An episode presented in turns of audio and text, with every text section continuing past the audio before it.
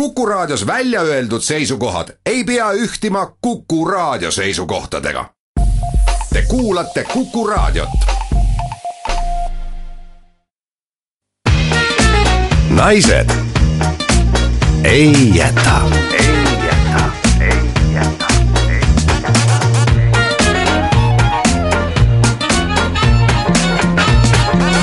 naised ei jäta tere hommikust, daamid, tere hommikust, härrad, kell on üheksa läbi üksteist minutit, Naised ei jäta alustab stuudios Kristi Kool ja Marit Ummelas.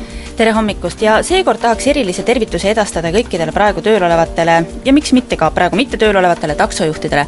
me oleme kuulnud, et meie kuulajate hulgas on päris palju taksojuhte, on mehi, on naisi ja äh, neile pidi väga meeldima. sellest on rääkinud äh, tegelikult meie külalised, kes väga tihti saabuvad meie juurde taksoga ja kui tuleb jutuks, et kuhu nad lähevad, ütleb taksojuht, jaa, ma tean, ma kuulan, no mitte just iga kord ja siis hakkab niisugune väike keerutamine, aga meil on sellest väga hea meel. meil on hea meel, kuulake meid ikka ja kui me saame teie hommiku teha natuke lõbusamaks, meil on selle üle rõõm, rõõm, rõõm tänases saates, oi, meil tuleb tegelikult väga poeetiline saade. meil on väga poeetiline saade ja täna me võime öelda, et meil on tegemist naiste saatega. jah väga naiseliku saatega ja äh, saade on peaaegu kogu ulatuses laivis, nii et võite panna Kuku kaamera tööle, vaadata. me võime teile lehvitada. lehvitame, kuidas me seda saadet teeme. mis me siin saates teeme? no meile tulevad külla suurepärased naised, ilma köögita.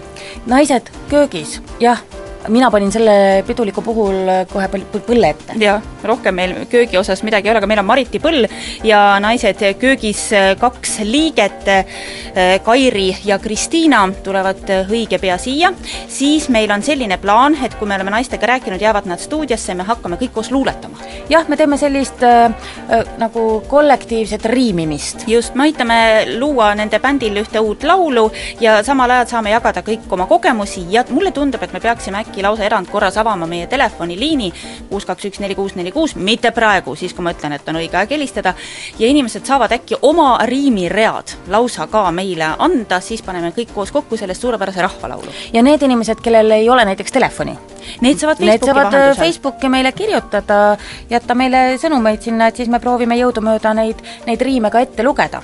just nii. teises tunnis me räägime reisimisest, meil tuleb väga tore vestlusring reisi teemal, kolm naisterahvast tuleb kohale, räägib, mida kõike on reisil juhtunud. küll igasugu äpardusi pagasite, eksimistega, aga lihtsalt võib-olla ka sellest, et maa on nii teistmoodi ja mõned kombed on teistmoodi. Ja enne seda, kui me asume daamidega vestlema kõigest sellest, mis on reisidel juhtunud, räägib meile üks väga tark daam, Kersti Eesmaa, kes töötab Välisministeeriumis, räägib sellest, kuidas targalt reisida, mida teha, mida mitte teha, mida vältida, mida oma dokumentide puhul vaadata. nüüd aga juhatame sisse esimese laululoo. jah, see on üks väga pidulik laululugu, Valter Ojakäär ja Jaan Kaplinski. naine või kontrabass.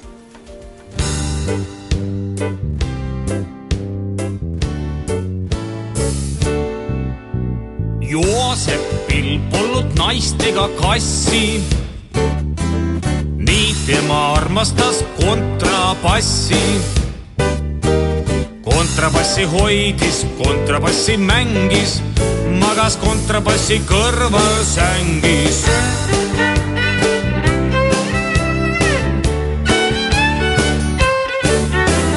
kontrabassi ta kaasas kandis kallistas teda ja suud talle andis. rääkis kontrabassiga pikad jutud, naeris pikad naerud ja nutis pikad nutud.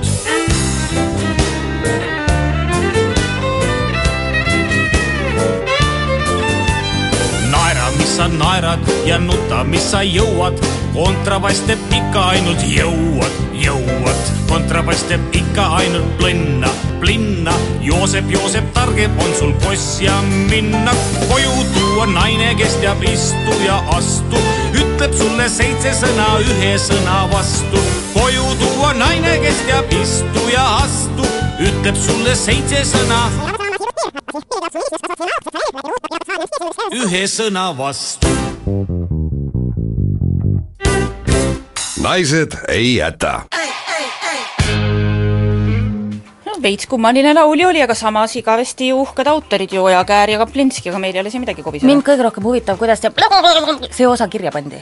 jah, mida Kaplinski selle kohaga mõtles kuidas ta selle üles tähendas, et et see on väga keeruline koht, mina ei suudaks seda me saame nagu... pärast Kristiina Ehini käest, kes on ka ise luuletaja, küsida, et kuidas tema selle üle, üles selle... tähendab. et mis see on. jah ja., vot seda on keeruline. aga, aga tegelikult luuleteemadel ma tahaksin jätkata. kui meil on juba selline poeetiline saade, siis Päevalehes on kaanetüdrukuks Luule Komissarov. nii tore, ta on nii hästi tore, tore. ja, ja temal täitub äh, tänavu viiskümmend aastat laval ja selle puhul on ka pikem intervjuu tehtud ja, ja Luule ütleb siin hulgaliselt kuldseid sõnu, kõiki ma ei jõua ette lugeda, sest see artikkel on üle, üle nelja lehekülje, aga äh, siin on selliseid särtsakamaid kohti. näiteks äh, küsitakse Luule käest, et äh, kas ei oleks tore, kui oleks keegi käevangu võtta ja koos teatrisse minna mis ütleb luule? mis ütleb luule? seda ma olen küll mõelnud, et, et võiks olla keegi autoga härrasmees, kes viiks mind vahetevahel etendusi vaatama, aga mitte midagi muud. mingit vanameest ma endale koju ei taha, vaatame teatri ära, võtame väikse pitsi ja siis igaüks oma koju. aga üldiselt ma kellestki puudust ei tunne, olen nii harjunud juba, kümme aastat olen üksi oma pensionipõlve nautinud ja kohutavalt vahva. kui inimene naudib, nagu nautigu edasi. vahva, nautigu edasi, et, et mis teater väike šnaps ja kultuurselt koju. iga roju oma koju, väga armas mis ta veel ütleb? no Luule unistab üldse sellisest päevast, kui, kui ta võiks terve päev öösärgis ringi kosserdada ja ei peakski kusagile tormama, saaks lugeda raamatut, vaadata telekat, võib-olla isegi teha kooki, kuigi muidu ta väidab, et ta väga küpsetaja ei ole, aga siis, siis võiks teha isegi ühe koogi ja me võime Luulele öelda julgustuseks, et tänavu kevadine mood pidavat olema just selline, kus võibki ööriietega tegelikult käia ka tänaval. et ei pea ja. ära võtma, et võib, võib minna öösärgis poodi ja ma usun, et, et proua Luulel on väga vahvaid öösärke, mida ma tegelikult rahvas tahaks isegi näha mingu julgelt, mingu julgelt, nii. aga Õhtuleht kirjutab äh, väga mõtlema panevast teemast, kui me mõtleme muusika puhul, valjumuusika puhul tavaliselt hevimuusikale või siis mingisugusele rajumale rokile, siis tegelikult kannatavad muusika all ka klassikalise muusika tegijad brittidel on hiljuti lausa olnud üks suurem tüli vioolamängija ja Briti kuningliku ooperimaja vahel, kus äh, vioolamängija ütlebki, et see karjäär on talle põhjustanud püsiva tervisehäire. et ta pidevalt seal müra keskel on, sest me ei kujuta ette tegelikult orkestriaugus, mis tunne seal on. ja kõige hullemas seisus pididki olema just nimelt jah, puhkpillimängijad. kui sul on ühte kõrva puhub metsasarv ja, ja teisel pool on mingi trummipurakas. no ja samal ajal puhud ise ka, nii et eh, kõrvad eh, löövad pilli, no tegelikult tõesti arusaadav, et üks asi on jah see, et orkestriaugus on ka hämar, ka silmadele hakkab see töö, aga teine asi jah see, et eh, see pidi olema päris korralik müra ja noh, on mingisuguste äh, suuremate teoste finaalid, mis on äärmiselt, äärmiselt lärmakad, no näiteks Ravelli Bolero lõpp kisub üsna metsikuks Ja. tegelikult tuleks need teosed teha ümber, variandid on mitmed. kõigepealt võtke partitur ette, forted maha, pianod asemele, lõpetame vaiksemalt. ma usun, et tegelikult tuleks välja vahetada ka instrumente, et äh, kammipilliga asendada. vaikselt, noh et miks niimoodi paugutada. suure trummi asemel kastanjetid. kastanjetid või siis Karmen niimoodi kammipillil siis äh, kõigil on kergem olla ega publik ju tegelikult kannatab ka. publik äh,, publik, jah, ja publik ei saa aru midagi, ma arvan. või siis variant, mille me ka mõtlesime siin välja ja mis osutus minu meelest väga jõuliseks, on see, et tänapäeval on ju olemas, sa ei pea seal kõik koos äh, kambas ju puhuma, igaüks on kodus. igaüks on kodus ja Skype'i vahendusel toimub see kontsert. jah, Skype'i kontsert, igaüks omas kodus mängib. ja dirigent võib ka kodus olla, sellepärast et mina kui vaataja noh, võin öelda, et, et dirigent väga tihti segab, ta on ees, ta seisab seljaga publikusse ja vehkleb, mina tahan vaadata tuubat ja üks mees lihtsalt vehib ees. las ta olla kodus, Skype'is vehkleb ja siis kõik need tuubamängijad ja harf ja kõik vaikselt kompavad kodus. kõrvad jäävad terveks, kuulevad ainult iseennast, kokku kõlab nagunii väga ilus. no nagunii, sest kõik on ju profid. kõik on profid. just, ega siis sinna ei võeta inimesi, kes pilli mängida ei ja oska. kolmas asi on see, et kui, kui ikka nii suur kamp inimesi on palgal, et see on kohut-, tohutu kulu. et ma usun, et üks, üks andekas mees sündiga tänapäeval suudab selle ka ära teha. teeb Poolero ära. teeb Poolero ära, no kuule, on andekaid pillimehi meil küll ja küll. jah, me, üt-, ütelge, tulge oma probleemidega julgelt meie juurde, küll me selle lahenduse leiame.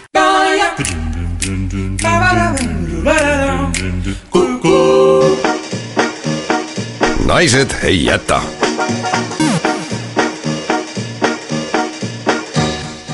kell on üheksa kakskümmend kolm, jätkub Naised ei jäta stuudios Marit Tummeles ja Kristi Kool ja mitte ainult. Eh, pool bändi Naised köögis on ka siin, Kristiina Ehin ja Kairi Leivo, tere hommikust! tere hommikut! tere hommikust! kuidas teil kevad läinud on? töiselt äh, igatpidi ülikoolis töötades ja samas ansamblit tehes ja uut luulekogu ka kokku pannes. no nii, Kairi, mis sul vastu panna? ainult tööd. ainult tööd ei mingit vaba aega. Teil on esinemisi ka praegu palju või? või te üldse võtate niimoodi vastu?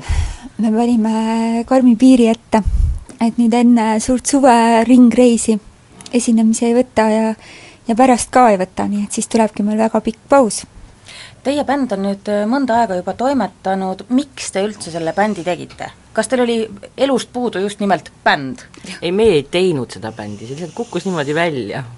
ega meil ei olnud plaanis hakata äh, igasuguseid kontserte tegema ja me mõtlesime, et me lihtsalt laulame niimoodi köögis rahulikult. no minul ka nagu kunagi ei piisa köögis mingi söögi tegemisest ja, ja söömisest ja kuidagi nüriks läheb kätte, et siis on Tõesti ikkagi tüütu. väga väga hea, kui on inimesi, kes samamoodi mõtlevad. ja juba Kivirähk kirjutas kuskil oma lühijutus, et köök, see on imede sepikoda. ja see on täiesti õige. köök on armastuse laboratoorium. no vaata, kui paljusid asju on köök.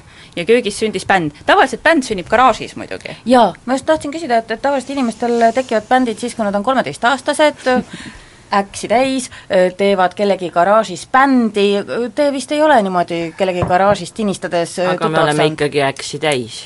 no seda küll minu meelest on juba mingi vähemalt kolm-neli meestepunti lubanud, et nüüd panevadki bändi nimeks Mehed garaažis või kuuris või ja mehed saunas ja mehed saunas, kuuris. aga kus see bänd on? saame pidevalt kutseid sellistele üritustele, aga me ei ole neid veel vastu võtnud nii kui äh, bänd sündis, siis noh, nagu sa ütlesid, bändide kohe tegema ei hakanud, hakkasite muusikat tegema, saite köögis kokku, mis on väga loogiline, köögis tavaliselt ju maja elu käibki, aga mis hetkel siis lõpuks keegi ütles, et kuulge, tulge juba avalikkuse ette ka või kas te mäletate seda esimest kontserti või esinemist? Või see oli ka kuidagi niimoodi tänavanurgal, hakkasite lihtsalt pihta? me hakkasime ikka suure hooga, me läksime kohe esimese asjana Peterburi Eesti saatkonda esinema. õige, alustada tuleb suurelt. nii, ja kuidas läks? kõige toredam oli rongikontsert, mis me seal andsime Vene piiril, et kus rong kinni peeti ja siis taheti Sofia viiulit konfiskeerida. aga siis meil oli vaja tõestada, et me ikka laulda ka oskame ja viiu-, Sofia viiulit mängida, siis lõpuks kogu vagun laulis kaasa ja kuldhambad välkusid ja tantsuks läks ka? karjuti, et девушки, еще, еще Давайте, Давайте еще одну еще. песню. aga mis lugusid te neile laulsite? jaa, me laulsime neile, ega ma ei mäletagi, mis laule me laulsime. kõiki neid ilusaid laule, mis meil olid nagu valmis tehtud selleks Peterburi reisiks, aga aga seal rongis me tegime ühe uue loo ka. jaa. aga kuidas need uued lood üldse sünnivad? no uued... esiteks, teid on ju neli, kas siis on need raskuskese on nagu ühel või teisel rohkem või te tõesti neljakesi teetegi seda lugu või? Me hakkame vaikselt aru saama, et meil on nagu igalühel oma roll seal sõnade tegemisel, näiteks praegu ma olen täitsa mures, et kui me siin saate lõpus hakkame ka laulu tegema, siis meil on kaks nagu rolli puudu, et te peate neid asendama siis saatejuhtidena, et Nii. meil on näiteks Koti on meil stiilipolitsei ja siis on Sofia on filosoof stiilipolitsei vaatab, et ükski roppu sõna ei tuleks sisse.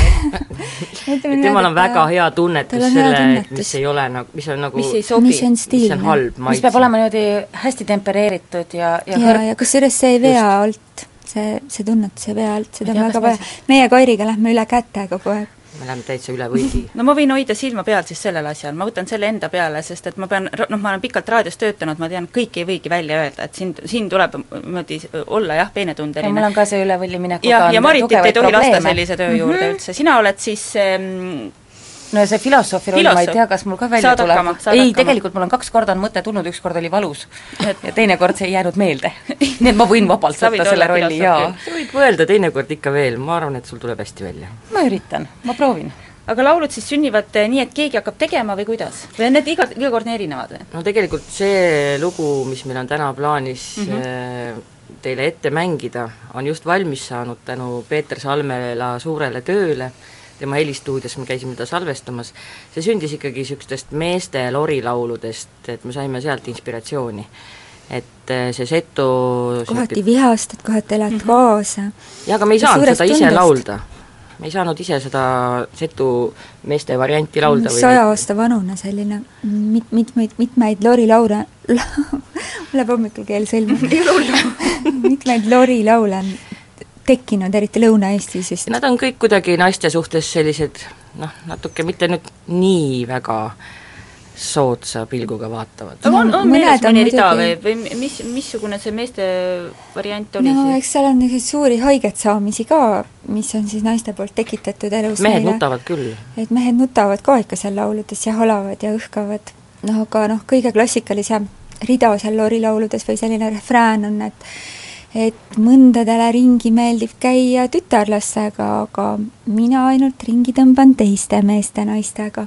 Naistega ei ole häbi, naistega saab hästi läbi, sellepärast naisi mina armastan. No ja see- siis on vahest äh, siis naiste kohta kirjeldatud, et kui teile hakkab meeldima ta nägu ja ta rind, oh sõbrad, ärge uskuge, nii petlik on see pind.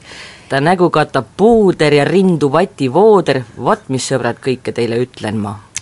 kuldsed sõnad, aga ma jah, tundub küll, et vahel tehakse tegime- nagu naistele liiga. aga meie tegime sama ilusa viisi peale, sest see viis on tõesti ilus, tegime laulu naiste sõprusest just, seda laulu varsti-varsti juba pakume kuulata ka, meie Maritiga juba kuulasime ja tegelikult see on jah, sõprusest ja tegelikult see on väga minu meelest selline laul, millega väga paljud naised saavad ennast samastada, et tõesti ongi nii ju lõpuks, et äh, sul on need oma lähimad sõbrannad, kes lõpuks appi tulevad, kui asi on väga vilets, kui vaja tõesti kodu remontida ja midagi, keegi sulle appi ei tule, kui on äh, süda puru ja on vaja, et keegi tuleks sinuga natuke veini jooma ja kaasa nutma, et need on ikkagi naised ju nojah, kuidagi levinud on ju see stereotüüp, et, et vennad võivad vennalikud olla, aga õed on ikka õelad.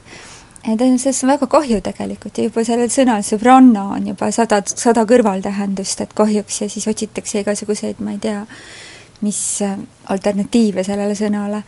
Aga tegelikult ei peaks seda vältima, et minu meelest naistevaheline sõprus on väga tähtis, tähtis asi ja elus edasi viiv jõud. ega kohtab ka sellist äh, suhtumist, et noh, et mis need naised omavahel, äh, nad vahetavad retsepte, kädistavad, midagi, kanad. midagi mm. -hmm. sisukat sealt ju kunagi ei tule, et no mis neil üldse öelda on, ma saan aru, et teie võitlete jõuliselt selle vastu. me ei võitle millegi vastu, me ajame oma asja, et äh, pole mõtet võidelda millegi vastu, mis kulgeb kuskilt oma teed, et me, ma arvan, et meil on lihtsalt see, et pakkuda alternatiivi ja oma, oma versiooni elust, siis, siis see võiks olla nagu mõnus. aga mille poolest te olete teistmoodi ja mis see teie rida on? huvitav on see, et me nagu kõik äh, need laulud, mis meil välja tulevad, et me kõik nagu tahame sellele alla kirjutada. et lihtsalt mingi sisetunne on, et me tahame laulda neid laule, et need nagu pulbitsevad sees, et äh, et see ongi tegelikult see rida, ega ei oska ju täpselt öelda, eks ju, et noh, et ei taha endale mingit silti külge panna, et me oleme nüüd sellised või sellised, samas laule võib tulla igasuguseid, tuleb meeste seisukohast laule, teinekord. On põnev kaasa mõelda, kuidas mehed mõtlevad, tuleb ka täitsa padunaiselike romantilisi laule ja laule suurest armastusest ja, ja igatsusest, et äh, kõik on koos elus ühes suures värvilises Tema- seebimullis. Kairi on ju huvitavat nägu. Nii. Mina tahtsin küsida, et te oma plaadiga murdsite ikka väga-väga jõuliselt Eesti, Eesti muusikaareenile, et kas te olite millekski selliseks valmis, kas te aimasite ette, kui te hakkasite esinema, et teil läheb nii tohutult hästi? ei aimanud, see oli selline, see on ikka täiesti müstika, mina arvasin, et inimesed kuulavad ainult internetist lugusid, rebivad alla kuskilt SoundCloudidest ja mujalt, et äh, see, et ikka tõepoolest plaati ostetakse ja teel olles ja köögis olles ja elutubades olles ikka veel plaadimängijad olemas on, see on, see on nii tore.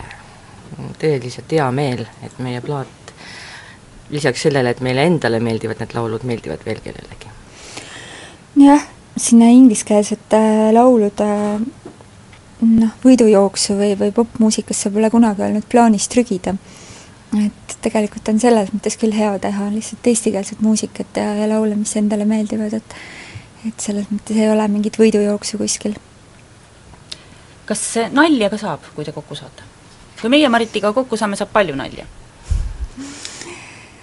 meil ikka saab nalja ka. et äh, väga paljud tekstid äh,, mida me siis nii-öelda sepistame või need luuleread, mis siis tulevad sinna laulu jaoks, et noh, seal on alguses ikka väga palju hirmnaljakaid versioone, mis äh, kahjuks lõpuks pärast äh, politsei ülekäiku võib-olla sisse ei jää, sest nad on natukene võib-olla liiga üle võlli, sest me tahame ikkagi jõuda mingisuguse rahuliku konsensuseni. kui on, kui neli naist ikka korraga vaidlevad ja arutavad ja, ja jõuliselt igaüks arvab, et see on õige, see on õige, see on õige, siis me peame leidma mingisuguse kompromissi. no ja tuleb vaadata ka seda, et, et sul kuulaja ei saaks kohe südameatakki. jaa, selle peale me ilmselt äh, mõtleme natukene võib-olla isegi liiga vähe aga olete te, olete te kriitikat ka saanud? et meil on selliseid vihaseid äh, vihaseid meeshääli on küll ku-, kuulda olnud. nii, me võime ka... isegi, jaa, me täitsa usume. nii, mis nad teile ütlevad aga siis? samas on ka selliseid meeshääli, kes tehke veel ja ootame järgmist, et et ma mi-, millegipärast usun, et tegelikult sellist sugupoolikut kirjutamist on või, või laulude tegemist on, on vaja paljudele, mitte ainult naistele või mitte ainult meestele, et see annab me ei mingi... mõtle ju kõiki asju ainult äh, naise seisukohast, et tegelikult see maailm on terviklik, me ei elaks ju ära või ei elaks kuidagi, ei saaks hakkama, kui meil poleks üksteist, et äh, see no mulle tundub, et iga mees, kellel on äh, naine kodus või kellel on ema või kellel on tütred, et, et küll nad saavad naistest ka paremini aru. aga mida teile ette heidetakse siis? ma ikka tahaks uuritseda natuke, et mida teile ette heidetakse rõhuasetusega? Näiteks hiljuti Ringvaate stuudios Marko Reikop ütles, et et no see on ikka paduirooniline laul, siis Kairi sellise ma armastan sind esmaspäevast reedeni, mis oli meeste seisukohast kirjutatud, me tulime välja uue lauluga. ja siis Kairi ütles, et ei, et see on täiesti siiras laul. siis ma mõtlesin pärast, et, et tegelikult on tõde kuskil vahepeal. see ongi selline köielkäik äh, siiruse ja iroonia äh, kuristiku kohal et sellepärast seda oligi huvitav teha ja loodetavasti on huvitav kuulata. ja vahetevahel on ju väga keerulistest teemadest äh, kõige lihtsam rääkida ka läbi iroonia. mitte ainult iroonia, lihtsalt huumori. et iroonia võib olla noh, tihtilugu väga valus, aga et lihtsalt, kui sul on niisugune mm -hmm mahlakas huumor, see on minu meelest kõige parem isegi. muidugi mulle meeldib ikka... must huumor ka me oleme ikka palju õppinud rahvalauludest, et meie ühine taust on kõik see, et me oleme ju Viljandist Viljandis kokku saanud ja kõik üle kümne aasta pärimusmuusikaga ja Eesti rahvalauludega kokku puutunud. ja, ja, ja sealt annab ikka leida, see on lõputu varasalv, mis sealt leida annab, ümber teha ja ja kokku panna ja, ja, ja tänapäevastada ja ja mõnda võtta ka täitsa puhtalt nii, nagu ta on olnud mitusada aastat. ja sobib ka praegusel ajahetkel täiesti adekvaatselt laulda? meil näiteks nüüd ringreisil hakkavad kõlama paar laulu, mida me lihtsalt ei oska muuta, no lihtsalt käed vajuvad sülle, nii ilus ja puhas on, et et kõik tahaks, tahaks seal solistid olla, aga aga mõni üksik saab selle au os osaliseks mulle tundub, et nii teie bändil ikkagi, kuigi Kairi ütles, et me ei võitle millegi vastu, aga kui mõelda nüüd, millest te laulate ja meie saatel on natuke ühist, et me, mitte keegi meist ei mõtle, et teeks mehed maha kindlasti mitte, me tegelikult ju oma väga paljusid mehi südamest armastame. me tahaksime, et võib-olla naised tunneksid lihtsalt rohkem elust rõõmu. olete te nõus? Mehed võiksid ka elust rõõmu tunda. jaa, noh, ma arvan, et nad teevad seda minule lihtsalt kohati tundub, et, et ühiskond aktsepteerib seda meeste rõõmu tundmist nagu märkimisväärselt rohkem kui, kui naiste rõõmustamist, sellepärast et naistele juba maast madalast räägitakse, et ole tubli, ole korralik, ole ilus, ära nii tee, ära jookse roikaga, ära ennast ära määri. poistel on justkui nagu natukene rohkem sellist lustimist ja möllamist lubatud. noh ma ei tea, huvitav on see, et need soostereotüübid mõlemad, nii, nii nais-, naiselikud kui mehelikud soostereotüübid, et nad kuskilt maalt ikka, ikka panevad raami. et kes püüab neid eriti korralikult järgida, et siis, siis kuskilt maalt hakkab ikka mõlemal kitsas, mul on selline tunne. ja samas, ega see ei ole ka nüüd lahendus, et siis ainult mm, puhtalt ja vanakreekalikult inimlik olla, eks ju, et või jumalik või et noh, et kuskilt maalt need sood ikka teevad, sood, jah, sood ja rabad. jah, sood ja rabad teevad ikka elu väga palju huvitavaks, eks ju.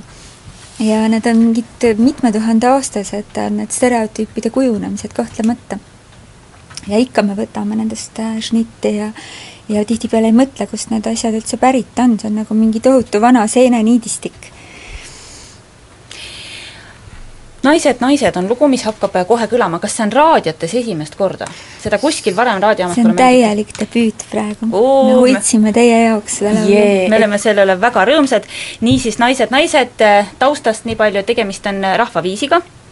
Ja mm. sõnad on siis kõigi, kõigi teie tehtud? jaa, sõnu on lausa viis salmi ja me tegime seda sõna otseses mõttes pool aastat. Nii et kõik kuulajad peaksid praegu istuma rahulikult, panema käed põlvedele ja kuulama, et see laul on just teile. ja me teeme sellele laulule ka video, mis tuleb varsti välja, nii et äh, ja siis... tantsida võib ka, sest see on üks vana tants ka, Subota on selle nimi. no nii, lööge tants lahti ja kuulake laulu mõndadele ringi meeldib käia meestega, kuid mina lähen luurele vaid oma naistega. Naistega ei ole häbi, naistega saab hästi läbi, elutormis naiste peale loota saab. kui sind peigmes maha jätab laulatuse eel, sõbranna sind ei hülga ja sinu silmavees, nad luuri maha rebivad ja uue mehe sebivad sellepärast naiste peale loota saab. naised need ei murdu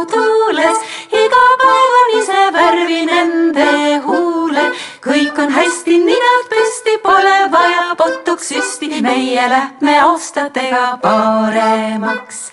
oh mu armsad daamid,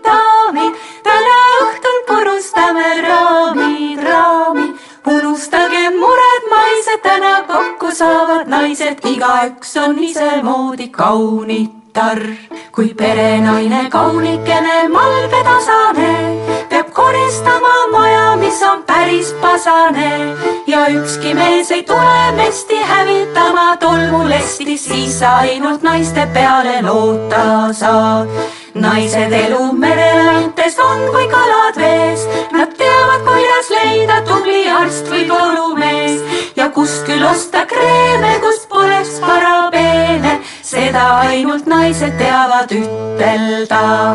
naised, need ei murdu tuules, ladvad kõrgel üleval, kuid maa sees juure kindel pole see lugu, kumb on ilmas õrnem sugu, tõde selgub alles lõpukaadrites. oh mu armsad daamid, daamid, täna õhtul purustame raamid, raamid, vilistame müütidele, naise stereotüüpidele, ise oma elu kokku laulame. kuid käes on aeg, kui pisikesed muudkui kisavad, nad tahavad olla ja mees on läinud närvi, et elul pole värvi ja sõitnud hoopis sõpradega kalale. siis naisel tuleb miskit moodi vastu pidada, kuidas just eks igaüks võib ise lisada. kuid kui jumal annab, on sul üks sõbranna, kelle peale raskel tunnil loota saab.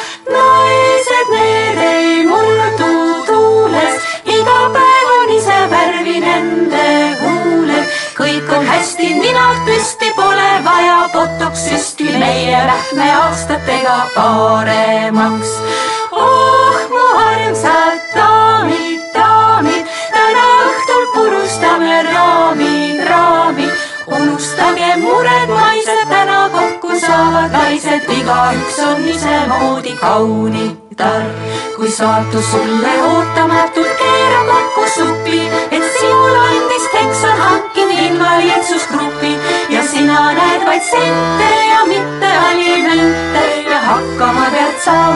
karjalastega. siis kuidas, milleks, miks ära tead murda jää, sest kõiki asjaolusid sa praegu ei näe mine parem jooksma, Marti elu arstib sinu länti, saatusel on varuks sulle lotovõit.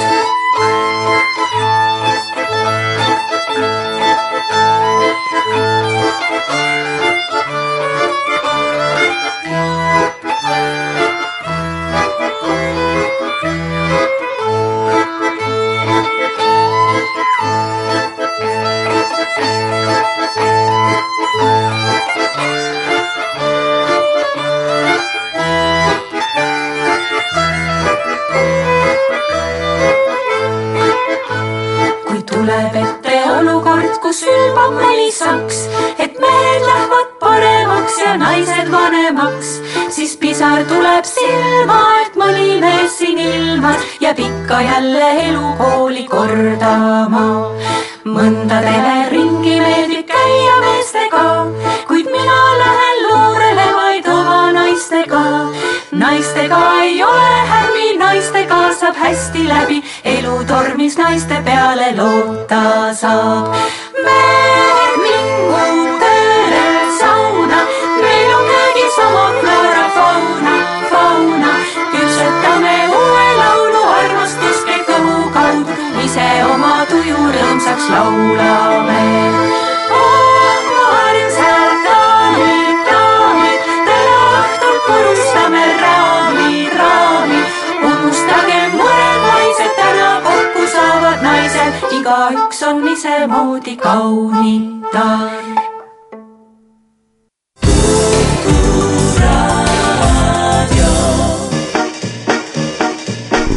ei jäta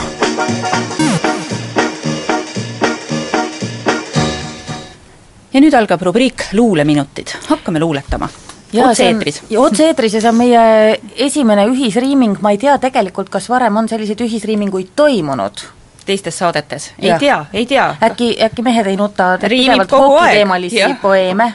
Sonette, ei ma, ei ma usu, ei ma usu tegelikult. ma arvan, et me oleme ikkagi esimesed, me hakkame luuletama, sinu kogemused luuletamisega, Marit? jaa, ma olen ühe luuletuse kirjutanud, see luuletus on Tihasest. nii. see, kas sa soovid, et ma loen ette ti- luuletuse Tihasest, see on lühike. no loe siis, jah. Äh, ma proovin meenutada, tihane, kes muidu mekkis põsed punnis aina pekki, istub aknal nina norus, koivad rippu saba sorus. nutt ja halavaruks vaid, keegi jõhkard pani taid. no täitsa lugu ju. rohkem ma ei ole luuletusi kirjutanud. Lihtsalt mul ei ole aega. väga hästi, väga hästi, Maili vahepeal andis märku, et tegelikult Kreisi raadio tõesti, tõesti, need mehed ju luuletasid küll.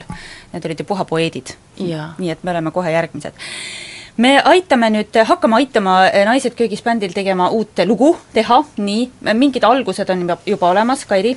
jaa, me ükskord istusime Kristiinaga seal Viljandis pärimusmuusika Aida puhvetis ja siis äh, nägime, kuidas üks noor tütarlaps läks äh, koos oma sõpradega uksest välja ja üks lause, mis me kuulsime, oligi, et mu süda on lõhki ja pea on segi. ja siis me otsustasime, et tuleb sinna kindlasti teha järgmine rida ja siis me kahe peale mõtlesime välja, et ma pidevalt armastan valesid mehi. Ja nüüd on meil, kallid kuulajad, see teile ülesanne, et äh, palun aidake meil riimida, et kes on see vale mees, keda teie olete armastanud või missugune on see õige mees, missuke ta peaks olema? nii et võib välja pakkuda selliseid riime elust enesest, mis on kuulajaga juhtunud, millised on tema kogemused, süda on lõhki ja pea on segi, ma pidevalt armastan valesid, valesid mehi. mehi. Mõtlesime, et seal võiks olla selline natuke räpilik laul, et ja mu süda on lõhki ja pea on segi, ma pidevalt armastan valesid mehi. ja siis sa- samas tempos võiks tulla nagu siis äh, teine salm võiks peale. psalmi ja siis võiks tulla refrään ka veel. Ma arvan, et see, kes refrääni välja mõtleb, sellele me kingime oma plaadi ka. ohohoo, kas kuulete Oh yeah. nii et eh, telefoninumber kuus kaks üks neli kuus neli kuus, esmakordselt avatud eh, Naised ei jäta saates, et pakkuda järgmised riimid eh, laulule Mu süda on lõhki ja pea on segi. ja need inimesed, kellel ei ole telefoni, kes ei saa helistada, siis saavad jätta Facebooki kommentaaridesse meile mõne suurepärase riimi, et me saame siit ka ette lugeda neid, kui peaks tulema. millised on valed mehed Mi-, va-, kogemused valede meestega on minul järgmised äh, äh, väidab, et äh, enam armuda ei saa, sest ta kunagi sai väga kõvasti haiget, kui lähemalt uurid, selgub, et see, see juhtus eluaastas seitse see on kohe üks Sellest- konkreetne, konkreetne kogemus, et ta nagu põhimõtteliselt jah, temaga on nagu kõik, ta enam ei suuda, ta on juba kõik ära andnud ja siis kui hakkad uurima, siis esimese klassi lugu aa, ma arvasin isegi, et lasteaias juba paviljoni ei taga, puhkes tüli esimeses ja klassis oli ilus patsidega tüdruk, kes ongi kõik selle ära rikkunud. küll ta selle uuesti üles leiab kunagi. no, praegu on ta üle neljakümne see mees, mina temaga enam niimoodi kokku ei puutu, aga kuuldavasti ei ole leidnud no aga otsime üles. oota, aga kuidas seda saaks nagu värsistada, seda, seda kogemust, Kristi? proovi seda nüüd äh, punuda niimoodi värsivormi, et äh, kuidas seda üldse probleemi saaks äh, nagu lühidalt kokku võtta?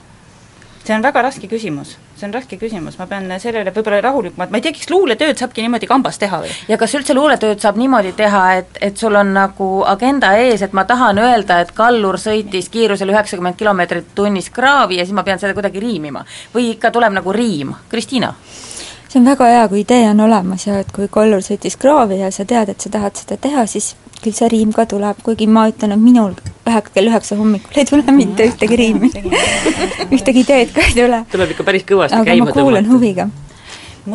mulle tuli nagu umbes selline rida, et ma pidevalt armastan valesid mehi, mõni on tubli ja iga päev kaine, aga tal kodus on olemas naine. See on ka probleem, mis väga sageli juhtub. see on jah, niisugune et leiadki täitsa tubli ja andeka mehe, vaatad, ohoo, hakkad läbi käima ja siis ütleme, viiendal kohtumisel niimoodi tuleb juhuslikult välja, et näed, tal juba üks naine on see on peaaegu sama sarnane salm, nagu me Kristiinaga ka tegime, et kui tundub, et leiadki õrna ja õige, siis selgub, sa oled tal kõrvalepõige. nii, oo, aga see on ju hea rida, paneme selle paneme kirja. mõlemad kirja, Jaa, siis nad täiendavad üksteist. jaa, just, ma tahtsin öelda, et see on nagu samal teemal, võib teha ka niisuguseid grupiviisilisi niisuguseid kui arvad, jaa, et me võime täitsa teha niimoodi viis eraldi salmi ja jah igas, igas salmis üks on nagu- abielumeeste salm, üks on siis äh, noh, mis kõik veel võib meestega juhtuda. õrna seas murtud süda. Jaa, õrna seas murtud veel süda. äh, värsistamata. leiadki õrna ja õige, siis selgub, sa oled tal kõrvale põige. õrna seas murtud süda, see kõlab küll hästi. aga õrnas oli juba, õrnas Jaa, ma korratan ei tohi. Noores eas, varases eas, Lapseeas. lapseeas. lapseeas mu-, murtud süda ei kõla jälle nagu, ma ei tea, mis probleeme veel on, mille üle me saaksime luuletada? kogemused, kogemused, daamid. kõrvale põige, sul ei ole ühtegi halba kogemust või? ei. noh, ütle nüüd. noh, väga tavaline mm. asi on see, et ta leiab uue. ma Ja- saan aru, et see on puhas kits ja triviaalne, aga nii ta on. Meile pakutakse noore ea kohta ka sõna varsaeas. varsaeas mm, -hmm. varsaeas on hea sõna. Varsa, varsaeas, mul tuleb varsakabi millegipärast varsaeas murtud kabi ja vajab siiani abi. jah, jah. et, et kuidas siis, et jah, varsaeas murti tal süda ja kabi, mees on nii haige, vajab siiani abi, aga seal tuleb natuke rütm on natuke paigast ära, aga midagi, mees on nii põdur jah.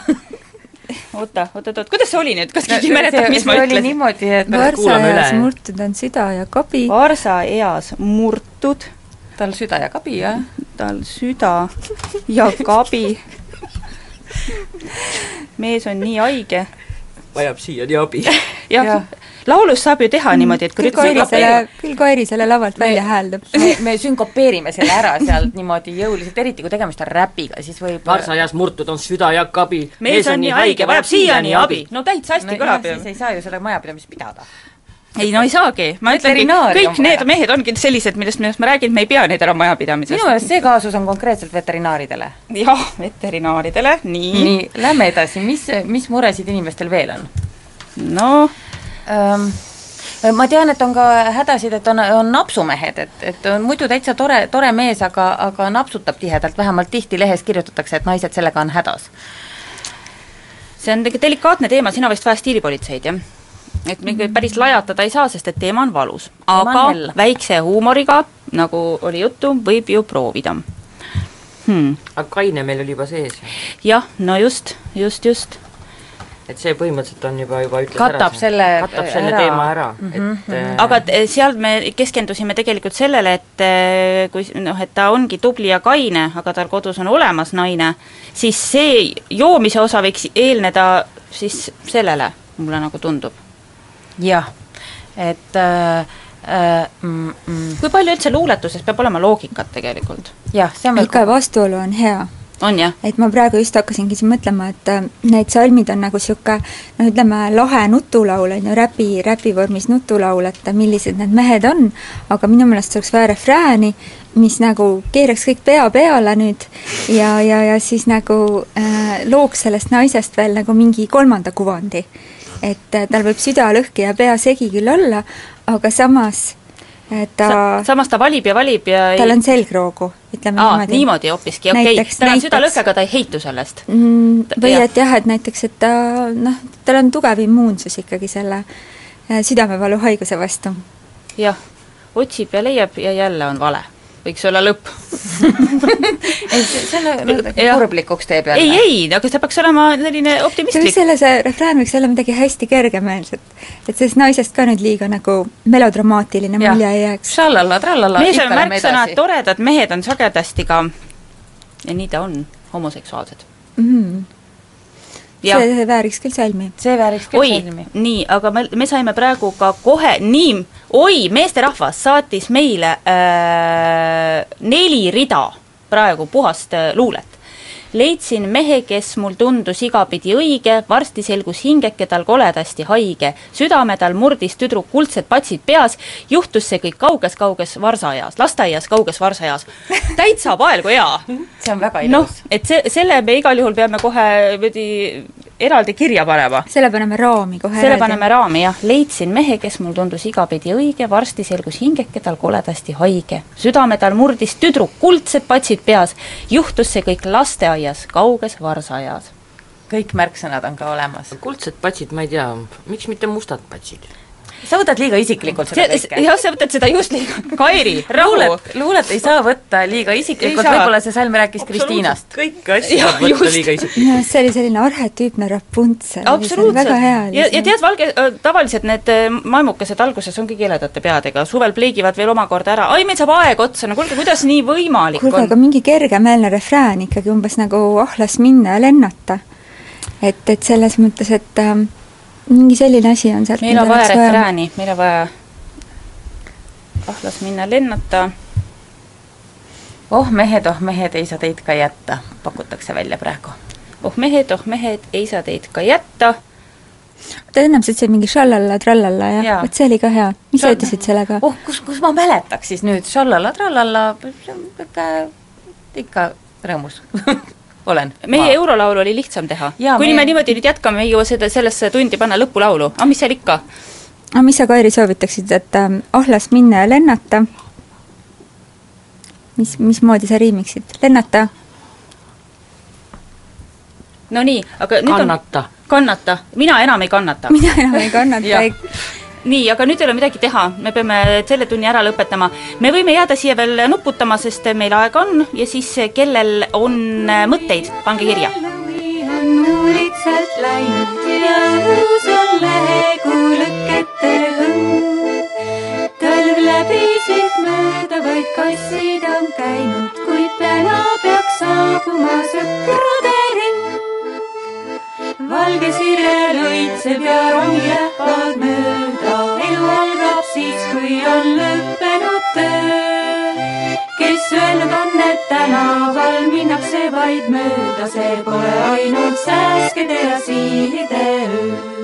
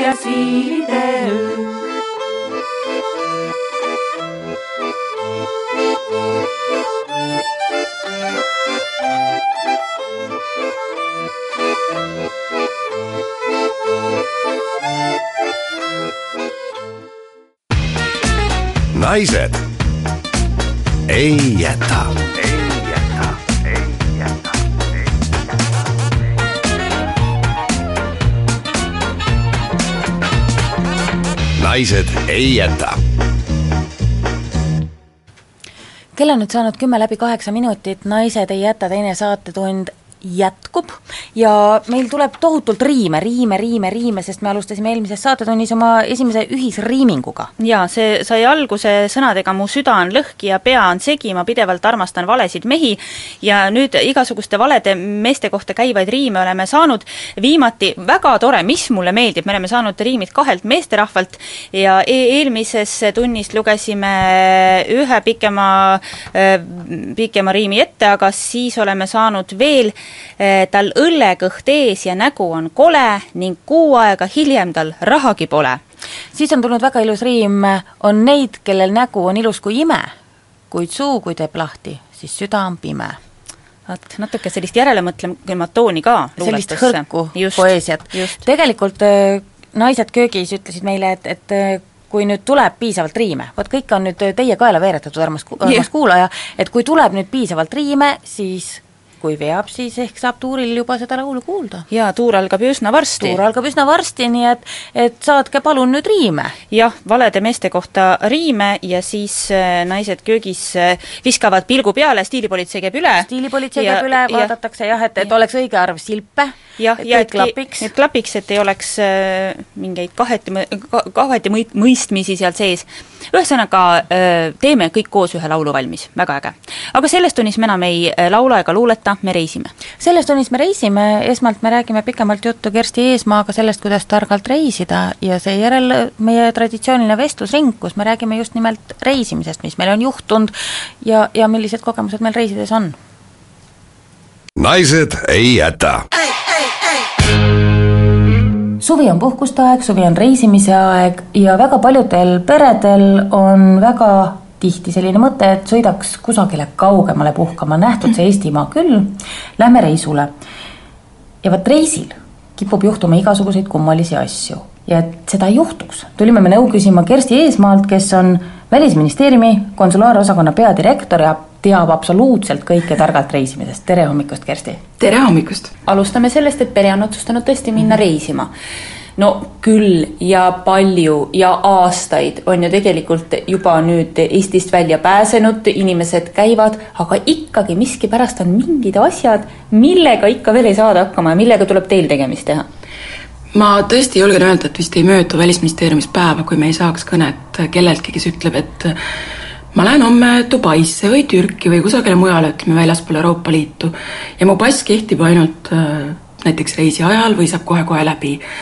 Et tegelikult tasub meelde jätta selline kuldreegel, et Euroopa Liidus Euroopa Liidus reisides peab reisidokument kehtima reisi vältel ja väljaspool üldjuhul nõutakse, et see kehtiks natuke kauem. kuus kuud, siis on juba päris kindel, et teil on kõik korras, mõned riigid nõuavad ka kolm kuud. kui nüüd see on kätte tulnud, et loomulikult inimesena mul on alati kahju nendest inimestest, et nad on maksnud suure raha, planeerinud, võib-olla juba mõelnud välja kõik ekskursioonid, kuhu nad lähevad, kus nad söövad, kus nad on, ja see reisidokument nagu hakatakse seda üles otsima õhtu enne ja siis avastatakse üllatusega, et seda ei ole. et meie passi kasutame tegelikult väga vähe.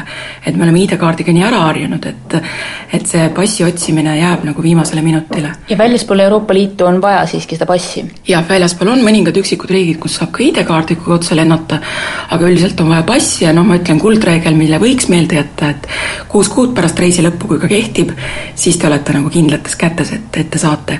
sest meil ju ka enamus riike on viisavabalt, et ka viisa taotlemisel ei tule see esile, et, et see reisidokument ei kehti piisavalt kaua siis kui veel rääkida sellest, mida enne reisi teha, et mul on nagu hea meel öelda seda, et et reisikindlustus on hakatud nüüd nagu natukene paremini tegema.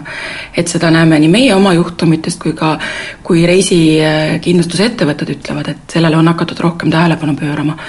Aga jällegi paneks nagu südamele, et et noh, ma tean, see ei ole võib-olla väga tore öelda, et lugege ka läbi, mis seal kirjas on, et see ei ole nii huvitav, aga vähemalt lugege läbi see summa, mis see kindlustuskate on, et selline standard, mis pakutakse teile Euroopas ja ka ütleme siin Türgis, Egiptuses, lähiriikides, sellist standardriikides on kolmkümmend tuhat tihtipeale, et mõelge nagu läbi, kas see on piisav. Et meil on mitmeid-mitmeid juhtumeid, kus see ei ole piisav, sest kuhu eestlane satub, kui ta läheb välisriigis haiglasse? ta ju ei satu sinna riiklikusse haiglasse, ta satub üldjuhul erahaiglasse. kui on tegemist nüüd haigusega, mis on kas pikem või tõsisem või nõuab mingit operatsiooni, siis tegelikult sellest summast ei pruugi jätkuda, et ma soovitaksin küll nagu seda kindlustuskatet natukene ülespoole nihutada, et see paar eurot, mis poliisile juurde tuleb, et, et see võib-olla nagu tasuks teha meie levinud peremudelid tänapäeval on, on väga erinevad mm. -hmm. on emad erinevate nimedega kui lapsed, on uued abikaasad, on vanavanemad, kes soovivad kõik koos reisida. kas on ka midagi, mida peaksid sellised pered teadma? jällegi, see sõltub riigiti, et kuhu te reisite, et erinevatel riikidel on erinevad reeglid. ja noh, ametnikuna on seda väga raske nüüd niimoodi selgitada, et mis riigis täpselt midagi on, sest see on teiste riikide poolt seatud reeglid. aga noh, miinimum, mida tasuks alati kaasa võtta, kui teil nüüd kas reisite erineva nimega või isegi kui on täiesti tavaline abielupaar, kõik on ühe nimega, ikkagi võib olla lapseröövi juhtumeid, ikkagi võib olla kusagil nagu kahtlus, et keegi ametnik võib seda küsida. et kirjutage täiesti vabakäeliselt et äh, olete nõus, et see inimene reisib teie lapsega või teie abikaasa reisib, et noh, see võib olla täiesti tähtajatu, see võib olla ka ilma riigi piiranguteta, et, et see ei pea olema, et jah, ma luban oma abikaasal oma lapsega reisida Soome vot nendel kuupäevadel. see võib olla, et see luba kehtib näiteks tähtajatult ja kõikides riikides. ja selleks, et kuna me tõesti saame ka väga palju seda küsimust, et kus siis mida tuleb ja tavaliselt me vastame, et küsige sealse riigi saatkonnast üle, aga selleks, et inimesi natuke aidata, me hiljuti tegime ka sellise juba no, valmis nagu näidisvormi, ütleme siis, või näidisloa, äh, kus on siis nii inglise keeles kui eesti keeles, kus saab siis vajalikud kohad kas täita või ära kriipsutada. me levitasime seda ka oma sellise Facebooki veebikonsuli kaudu, et sealt on see leitav, et äh, kõik, kes nagu vähegi guugeldavad, ma arvan, jõuavad selle nii-öelda näidisvormini, kus on need peamised parameetrid siis kirjas, mis tuleks ära märkida selle loa peal.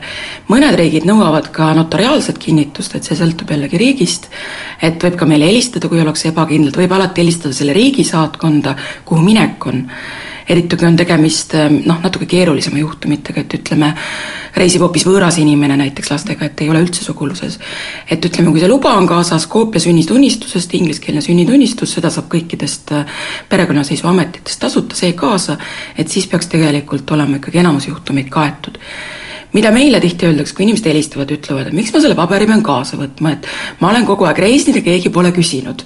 et mis, mis asja te ajate, et miks ma pean jälle mingit jooksma ja tegema ja et tõesti, ega üheksakümmend üheksa protsenti võib-olla ei küsitagi aga kui üks protsent seda küsitakse ja seda luba ei ole kaasas ja tõesti, siis võibki see reis jääda kas pooleli või, või täiesti ära, et et selle loa nii-öelda tegemine on niivõrd lihtne, et et lihtsalt korra ennast kätte võtta ja nüüd on ka see näidis seal üleval. ühesõnaga, kui mõlemad bioloogilised vanemad on lastega kaasas, siis peaks asi korras olema? kui mõlemad bioloogilised vanemad on kaasas, siis on tõesti korras, jah. kui meil on nüüd need reisidokumentide asjad äh, korras mm, -hmm. siis võib rahulikult reisile minna, aga millised on äh, sinu kogemuse põhjal need enim levinud apsakad või, või probleemid, mida inimesed kohtavad? meil on aastas umbes tuhat seitsesada juhtumit aastas nii-öelda, millega me tegeleme. mis tegelikult, kui nüüd vaadata päevade arvu, siis iga päev kusagil maailmas neli kuni viis eestlast, neil algab mingi häda ja see, miks ma ütlen algab, on see, et need konsulaarhädad on väga erineva kestvusega. Et võib olla väga lühikesed, paari tunniga, kuni siis aastateni, kui inimene näiteks peetakse kinni või midagi sellist. ja üle poolte nendest hädadest on seotud sellega, et inimene kas kaotab oma reisidokumendi või see varastatakse temalt. ja kui reisidokumenti enam ei ole, siis reisi jätkata ei saa. ja sellisel juhul on siis äh, esimene, mida inimene peaks tegema, kas seal riigis on olemas Eesti saatkond või isegi seal linnas pigem.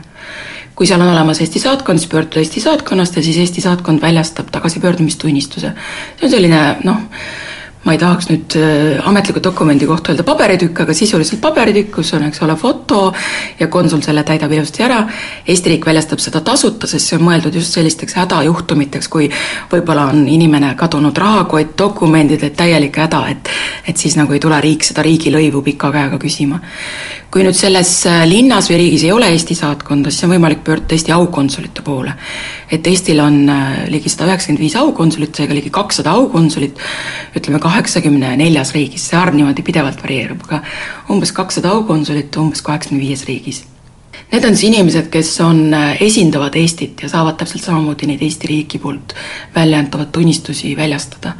Et päris lai võrk, kui te ei tea, kuhu pöörduda, siis võite alati meile helistada, et jällegi ööpäevaringselt meil on selline valvetelefon viiskümmend kolm null üks üheksa üheksa üheksa üheksa, lihtne meelde jätta, et see tuleb siia Välisministeeriumisse, töötab kogu aeg ei olene sellest, kas on riiklik püha või midagi ja sealt aidatakse teid, et kuhu siis pöörduda, millise aukonsuli poole. ja kui seda võimalust nüüd ka ei ole, siis tegelikult, kuna Eesti on sellises toredas äh, liikmelisuses nagu Euroopa Liit, siis on meil võimalik pöörduda teiste Euroopa Liidu saatkondade ja konsulaatide poole. aga jällegi, selleks, et sinna pöörduda, võib-olla on kasulik läbi meie seda nii-öelda helistada, küsida, sest kui te nüüd sinna pöördute ilma ühegi dokumendita, ilma ühegi millegist, kuidagi peavad nad teadma, et see olete teie et ei saa olla lihtsalt Marit Risselt Kristi, vaid, vaid siis peab Eesti Välisministeerium natukene saatma teie kohta infot ja pildi ja nii edasi, et kindlaks teha, et see, see olete teie.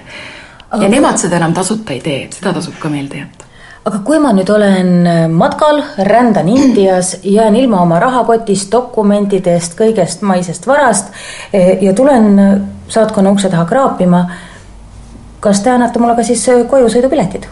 see on üsna klassikaline küsimus, et et tere, et mul sai raha otsa juhtub võib-olla rohkem isegi Euroopas, sest Euroopasse satuvad inimesed nii-öelda rohkem noh, nagu et lihtne on reisida, et ostad bussipileti, ma ei tea, kahekümne euro eest ja oledki Berliinis. ja kui veel mingi pakkumisega, siis on, siis on veel eriti odav. et eh, lühike vastus on, et ei, me ei osta seda lennupiletit, et mida me hakkame tegema, siis on see, et et tuleb üles otsida enda sugulased ja sõbrad ja tuttavad ja ja lõpuks, kui miski muu ei aita, siis koolikaaslased, kes kuskil koolis on ikka keegi käinud.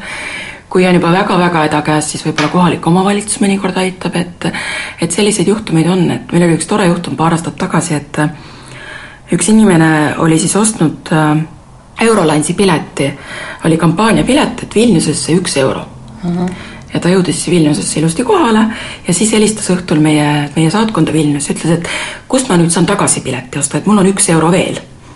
et siis selgus, et see ühe euro kampaaniapilet oligi nagu mõeldud selliseks ühesuunaliseks, et tagasipilet juba maksis tunduvalt rohkem, et noh, tunduvalt rohkem võib-olla on vale öelda, aga maksis igal juhul rohkem kui üks euro.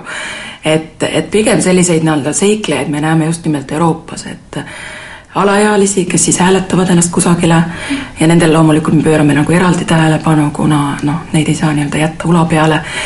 aga kui inimene noh, tõesti kuidagi muud ei saa, siis ütleb, et tal ei ole hotelliks raha, siis ega need variandid on täpselt samad, mis Eestis, kodutute varjupaigad ja nii edasi, et et me proovime ikkagi lõpuks, meie eesmärk on alati saada inimene Eestisse ja üheksakümne üheksal protsendil juhtudel me siis ka leiame selle kellegi, kes Eestis selle raha siis saadab ja siis mida me kasutame on üldjuhul see, et saatkond juba ise ostab selle lennu või laeva või, või bussipileti ära, et odavama variandi välisministeeriumil on ka ju nimekiri riikidest, mis vahepeal vahetub, et kus hetkel on olukord palavam, kuhu ei maksa minna.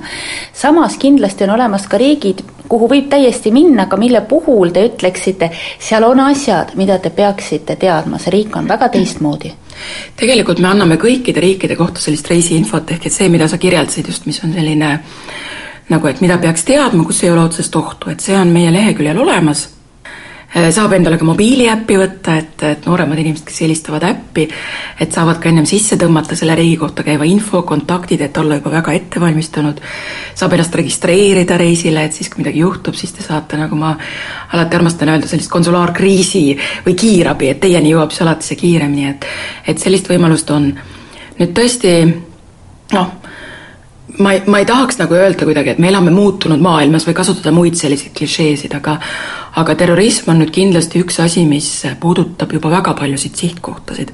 et ei saa öelda, et, et Euroopa on terrorismivaba või, või kusagil on nagu terrorismi mingisugune rünnak ohtlikum kui teistes, et et see risk põhimõtteliselt käsitleb väga-väga laiad riikide spektrit. kus on nagu riigispetsiifilist, on näiteks maavärina Äh, igasugused teemad, muud taifuun, noh, taifuunid, tsüklonid, muud sellised asjad, et neid me ikkagi üritame alati hoiatada, kui me ise saame selle info läbi kas oma Euroopa Liidu võrgustike, läbi oma saatkondade. ja alati ka, kui te olete ennast registreerinud näiteks reisile mis tõesti võtab paar minutit, et et siis me saame kasutada ka seda, et me saame saata SMS-i näiteks teile, et te olete seal reisil ja me saame siis öelda, et kas me oleme saanud mingi hoiatuse, et seal on midagi tulemas või või seal on mingid muud ohud, et või kui on juba midagi juhtunud, siis me saame näiteks ühendust võtta, et et kas teiega on kõik korras või kas te vajate mingit abi. Ja muul juhul siis see, et kui ollakse kohal, kui kõik on korras, dokumendid korras, siis tuleb puhkust nautida ja siiski pidada meeles seda, et sa oled teises riigis, austama seda maad, austama neid kombeid, teadma natuke nendest kommetest? Ja et võib-olla ühe sihtkohana mainiks ära näiteks Dubai, et see on muutumas eestlaste hulgas väga populaarseks.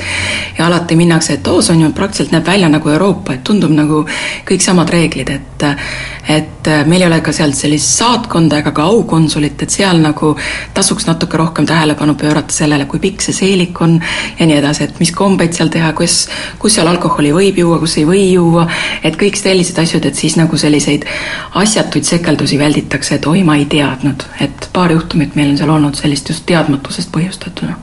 Nii et äh, Välisministeerium ei ütle inimestele, et ärge reisige, olge kodus, vaid pigem vastupidi, reisige, reisige, aga reisige targalt jah, täpselt, et, et kunagi pole vastus see, et, et puhake ainult kodus või et ärge, ärge tehke, siis me ei pea tööd tegema, et et mida rohkem me oleme teadlikud ja mida rohkem me oleme nagu ette valmistunud, lisaks sellele, et kus on hea restoran, lisaks sellele ka see, et mis on need võimalikud ohud, et naistele paneks veel selle südamele, see on naiste saade, eks ole, et naised, ärge jätke, et paluge oma meestel ka teha reisikindlustus ja lugeda läbi see reisiinfo ja registreerida ennast, et et me igal juhul oleme märganud, et et naised on natukene usinamad ja natukene alalhoidlikumad valmistudes reisiks ja natukene võib-olla rohkem siiski neid juhtumisi tuleb ette meestega, aga aga see, see on meie kõigi teha, kuidas me kõik saame paremaks reisijaks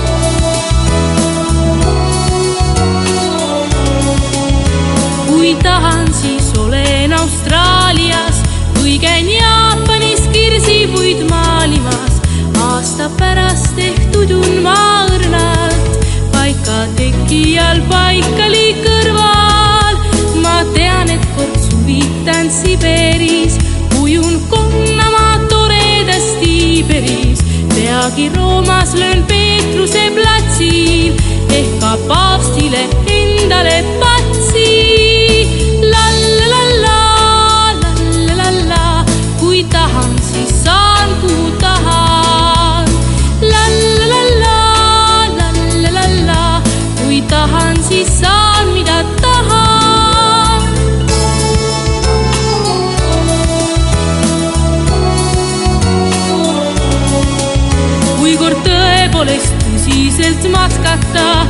siis võin idamaal rännakuid jätkata. tean, et Indias elavad joogid neile viin mõned joogid ja koogid, siis saab kõikidel rõõmupäev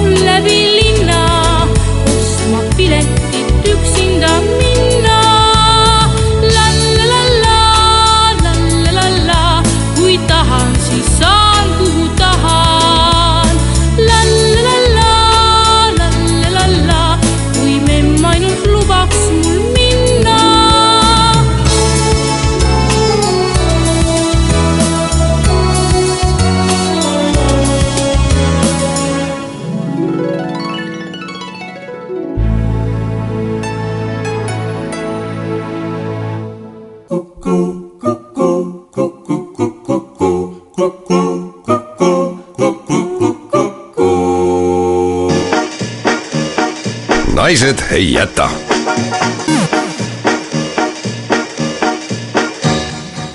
algab vestlusring, algab vestlusring, hurraa, hurraa, hurraa, meil on stuudiosse külla tulnud Terje, Kristel ja Tea, et jagada meiega oma reisumuljeid. aga enne, kui hakkame rääkima reisidest, kuna Terjel on täna sünnipäev, siis me loomulikult äh, ütleme Terjele palju õnne, Terje!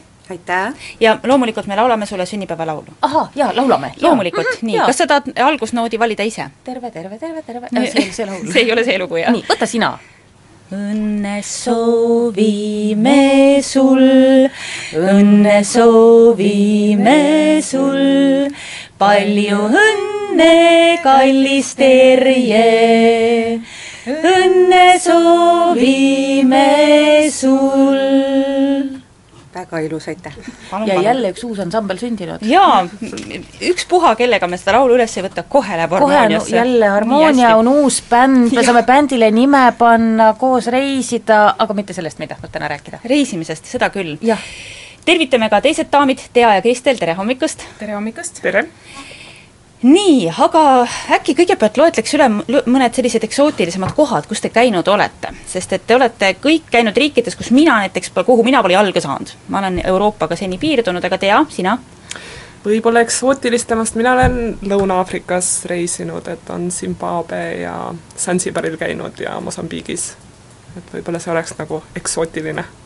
Kristel? minu jaoks kõige eksootilisem muidugi Keenia, aga Iisrael ja Tai, Vietnam samamoodi väga äge. Terje? minul on õnnestunud käia kaks korda Sri Lankal. kui te reisima lähete, kas te olete sellised, kes äh, teevad väga kõva eeltöö? et te teate täpselt, kuhu te lähete, millega te lähete, bussid, ühistranspordid, kui seal on noh, kõik teate see täpselt, kus te ööbite, mis kell väljub buss, et siirduda uude linna, siis teate, kes vastu tuleb, kus juua kohvi, niisugused tohutud planeerijad? ei, kindlasti mitte. kuidas te reisite? Äh, meie võtsime nõuks elukaaslasega osta ära ainult lennukipiletid äh, ja vaadata jooksvalt koha peal. nii? ja tegelikult läks kõik üllatavalt hästi ja hiljem selgus, et hoidsime ka hulga raha kokku. et äh, väga mõistlik on tegelikult niimoodi võtta, kui sul on keel suus, inglise keel siis, et ostagi lihtsalt lennupiletid, minna koha peale ja vaadata jooksvalt. Teil öömaja ei olnud vaadatud või? Esimene öö oli vaadatud mm -hmm. läbi interneti booking.com'i kaudu, aga edaspidi kohalikud ütlesid, et äh, tulge hotelli ja küsige, me teeme teile parema hinna ah,. ja siis lähtusimegi sellest, et ei ole vaja kõike ette planeerida, et ähm, natukene sellist äh, kuidas nüüd öeldagi, ühesõnaga oleme avatud seiklustele.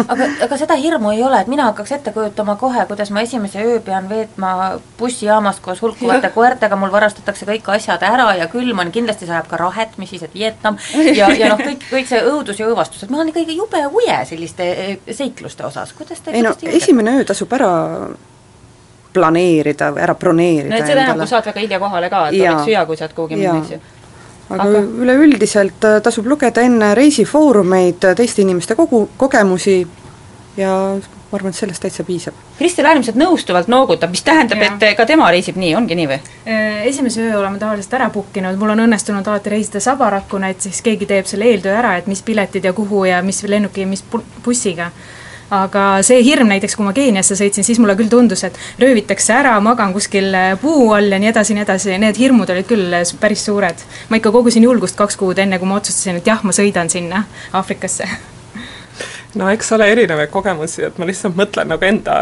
sellise esimese seljakotireisi peale, kui ma läksin Peruusse, ma otsustasin minna üksinda viieks nädalaks. muidugi ei, täitsa mõistlik mõte, mis teha, lähme ka.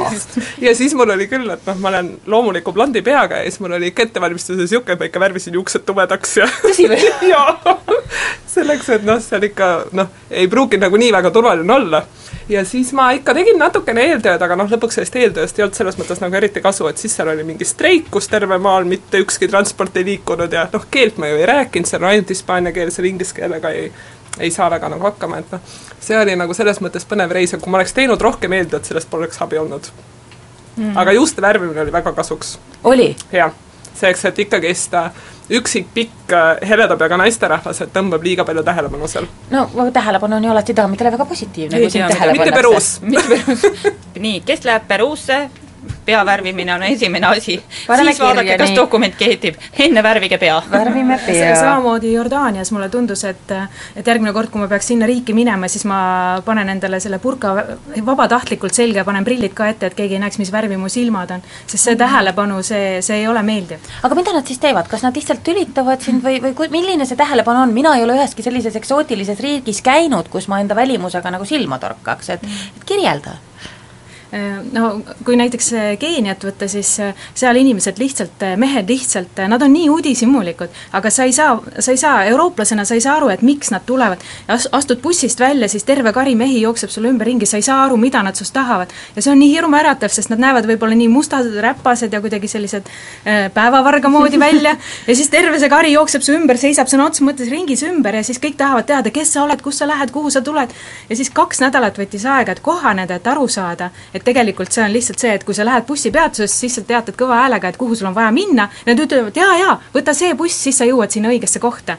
ehk siis psühholoogia, meie psühholoogia, et et ära võõraga kunagi räägi, siis Keenias on vastupidi nii et äh, meil see toimiks niimoodi, et ma lähen Vabaduse platsi trollipeatusesse, hüüan kõigile, ma tahan minna kolmega, ma tahaks sõita sinna, sinna äh, kaugele Männi pargi juurde ja siis peale seda ma tahaks seal kiikuda kaks minutit ja siis kõik inimesed on rahul. meil ei ole see, et kõik tulevad sulle ümber, vaid kõik vastupidi niikuvad. kui ma midagi sellist teeks, ma arvan, et mulle kutsutakse nagu arstiabi. maad on erinevad, rahvad on erinevad. me tahamegi rääkida igasugustest põnevatest ja naljakatest juhtumistest, mis on reisiga, reisil äh, aset leidnud no Terje, on sul kohe mingisugune selline reis välja käia, et sa mõtled, no seal ikka sai igasugust asju? mulle meenub esimene kord Sri Lankal, kõik algas sellest, et kui meie jalad äh, maad puudutasid, siis selgus, et äh, kogu meie pagas oli kaduma läinud. vot see on asi, mida ma olen ka mõelnud. ja seisite seal lindi juures ja teie pagasit ei tulnud? me seisime hommikul kell neli äh, tund aega seal lindi juures, enne kui me aru saime, et seda vist ei tulegi, siis me pöördusime seal vastava ametniku poole, täitsime vajalikud paberid ja eks me esimesed päevad olime veel lootusrikkad, et äh, äkki kohe siiski tuleb. jõuab, kohe tuleb. aga ei tulnud selle kahe nädala jooksul ja siiamaani tuleb. ei olegi kätte saanud? ei olegi kätte saanud. aga ma ütlen, et äh, väga mõistlik on teha ära reisikindlustus, sest et äh, kogu see pagas hiljem kompenseeriti et äh, aga me saime nii palju targemaks, et tegelikult kui sa lähed ähm, kuhugi troopikamaale, kus on aastaringselt äh, kolmkümmend kraadi sooja, et äh, tegelikult meil ei ole üldse palju asju vaja, ei ole vaja neid kohvreid sinna kaasa tassida. et saab väga hästi hakkama kahe T-särgi, ühe seeliku ja lühikeste pükstega. aga siis see, mis teil seljas oli, sellega olite? põhimõtteliselt olimegi mm.. pärast vist ostsime kohalikke riideid ka, muidugi nendega oli omaette ooper, sest et äh, teadupoolest on Sri Lanka inimesed ka sellised lühemat kasvu ja hästi pisikesed, meie, eurooplased, oleme nagu hiiglased nende kõrval. et ütleme, et sobivat püksipaari oli ikka tükk tegemist, et leida. sellest moraal, kandke seelikuid. just, kandke seelikuid ja kui lähete kuskile lõunamaale, ärge pingutage üle nende hilpudega, et võtke minimaalselt asju kaasa. pagas pole kaduma läinud Keenias me läksime safarile ja kuna me ikkagi hoidsime raha kokku, siis me tõenäoliselt otsime internetist äh, kõige odavama safari. Oh.. see tähendas seda, et see väike, väike selline buss, mis siis oli marsabuss või selline, et ühelt poolt oli uks oli kinni keevitatud, teiselt poolt siis ainult sai liikuda, mingil hetkel äh, kuskil mingi asi läks katki, ühesõnaga, kui me kõik seal bussis olime, siis keset, keset safarit, lauspäikest inim-, ela, ela, noh, külani oli ma ei tea, palju kilomeetreid maad, meie see buss peaaegu et läks põlema, esiratas hmm., mina karjun, et suits, suits peate kõik kinni, lähme välja. noh, põhimõtteliselt oma joogivee me valasime selle äh, auto kummi peale ja siis äh, niimoodi me siis seiklesime seal. no mina oleks veel sinna juurde kujutlenud situatsiooni, et bussijuht ütleb, et välja ei saa minna, sest lõvi tuleb et see oleks ka kindlasti lisanud vähekene vürtsi sellesse seiklusesse. vasakul on suur lõviparv. sellepärast, sellepärast ongi uks kinni keevitatud, et lõvi ei tuleks tuppa, kui buss põlema läheb. jah ütleme, sellistest transpordiapsakatest või sellist huvitavatest seikadest samamoodi oli ähm, Aafrikas äh,, kus siis äh, oli vaja kohaliku lennuga ühest linnast, see oli Zimbabwe's, me lendasime Hararest välja, ma ei mäleta, me lendasime mingisse pisikesse linna.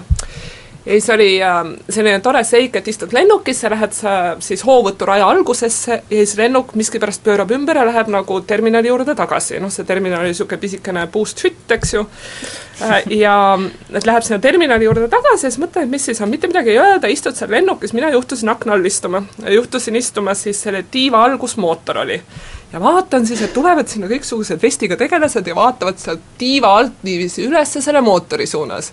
midagi nad seal näpuga näitavad, aina rohkem inimesi koguneb, mingi koosolekut nad seal pidasid ja siis läheb mingisugune nelikümmend viis minutit võib-olla arutavad seal. Siis me mõtleme kõik seal lennukis siis rahulolematu, siis mingi hetk kõik ehitavad õlgu, lennuk läheb uuesti hoovõturajale ja nii me lendasime. aga sa ikka terve tee ilmselt mõtlesid, et see vestlus oli tõenäoliselt selline, et see mootor vist hakkab ära tulema. ei tea, no äkki püsib, paneme teibiga. või selle, selle lennu teeb veel ära. ma arvan, ma arvan, kui nad oleks teibiga pannud, see oleks olnud parem, sest nad ei teinud mitte midagi jaa, mina olen ühe korra kogemata sattunud jalutama maandumisrajal.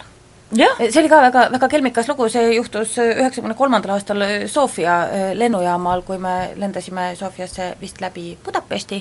Ja, ja probleemiks oli see, et see lennuk mitte ei, ei läinud terminali toru otsa, nagu tänapäeval lennukid lähevad, vaid põllu peale.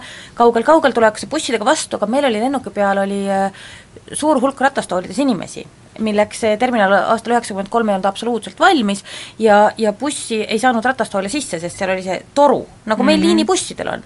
ja siis oli seletamist, oli seletamist ja, ja me olime seisnud seal lennuki kõrval umbes tund aega ja me nägime, et mitte midagi ei juhtu, et, et me jäämegi seal lennuki kõrvale seisma, kui otsustasime, et hakkame siis minema, et terminal kauguses paistis üks hütt, et lähme sinnapoole. me olime juba poolel teel, kui jooksis meile vastu üks lapakatega vehkiv onu ja karjus, et ärge käige maandumisrajal siis me saime aru, et läks natukene valesti, et noh, see kõik teed tunduvad ju sirged ja ühesugused ja noh, me lihtsalt vaatasime terminal, et noh, sile tee lähme. et jah, ärge käige maandumisrajal kas te olete riigis olnud sel ajal, kui seal midagi toimub, mul on tavaliselt muidugi enne midagi, et loomulikult sel, siis, kui meil kohe kevadreis algab, hakkab Eyjafjallajökull ehk kuulus äh, Islandi vulkaan. ütle veel. Eyjafjallajökull me tükk aega, me tükk aega harjutasime seda, seda tuli uudistes öelda ju kogu aeg. et see hakkas oma tuhapilve tootma ja siis oli ju ka lennunduses igavene jama ja ükskord oli mingisugune haiguslaine just parasjagu Euroopas, kui me tahtsime minna. meil on iga kord õnnestunud ja, ja juba olles kohal, pole midagi samas riigis toimunud, aga kas teil on olnud, et te olete kuskil riigis ja miskit seal parasjagu leiab aset, no sul oli streik, eks ole? see oli streik jah, ja see oli nii huvitav, sest noh, ise ju keelest aru ei saa ja olukord oli selline, et istun mina, noh, seal niisugused väiksed arvutitoad, kus sa siis said kodustega infot vahetada, et ähm, istun seal ja mõtlen, mis asja nad lärmavad seal nagu tänaval, et okei okay,, et noh, lärmavad, lärmavad, aga nagu midagi nagu toimub, lähen mina välja, vaatan, mingi tohutu inimmasside liikumine käib kõik ühes suunas, on ju. noh, siis ma nagu ei saanud aru, et võib-olla õhtul ei saa rongi peale või midagi, et noh, ma ei tea, liiguvad siin, et noh, väga tore, kõik plaaksutasid ja äkki on paraad? jaa, äkki on nagu tore asi, eks ju aga siis pärast, kui ikkagi välja tuli, et tegelikult terves riigis kogu transport seisab, siis nagu hakkas ikka nagu mõte liikuma küll nii, kuidas ma nüüd siis siit külalinnast nüüd siis ikkagi ära saan, on ju. et noh, tegelikult noh, see nagu mingil määral laabusel tõi ikka väga palju stressi endaga kaasa, et noh, sa ei saa nagu aru ka, kas see on nagu kuri asi, et noh, et kas nad nagu võivad kuidagi nagu vägivaldseks muutuda või nagu mis toimub.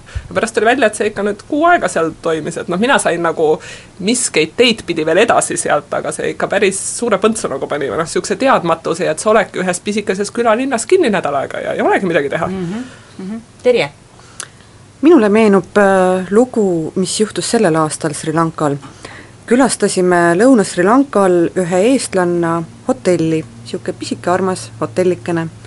meid võeti seal väga hästi vastu ja sõime just õhtust, aga seal läheb ju teadupärast ka vara pimedaks, et äh, kuskil õhtul seitsme aeg juba õues päris pime, sööme aias mõnusalt ja korraga jookseb majast välja kokk, kes nägi uudiseid ja teatab meile mureliku näoga, et palil oli maavärin.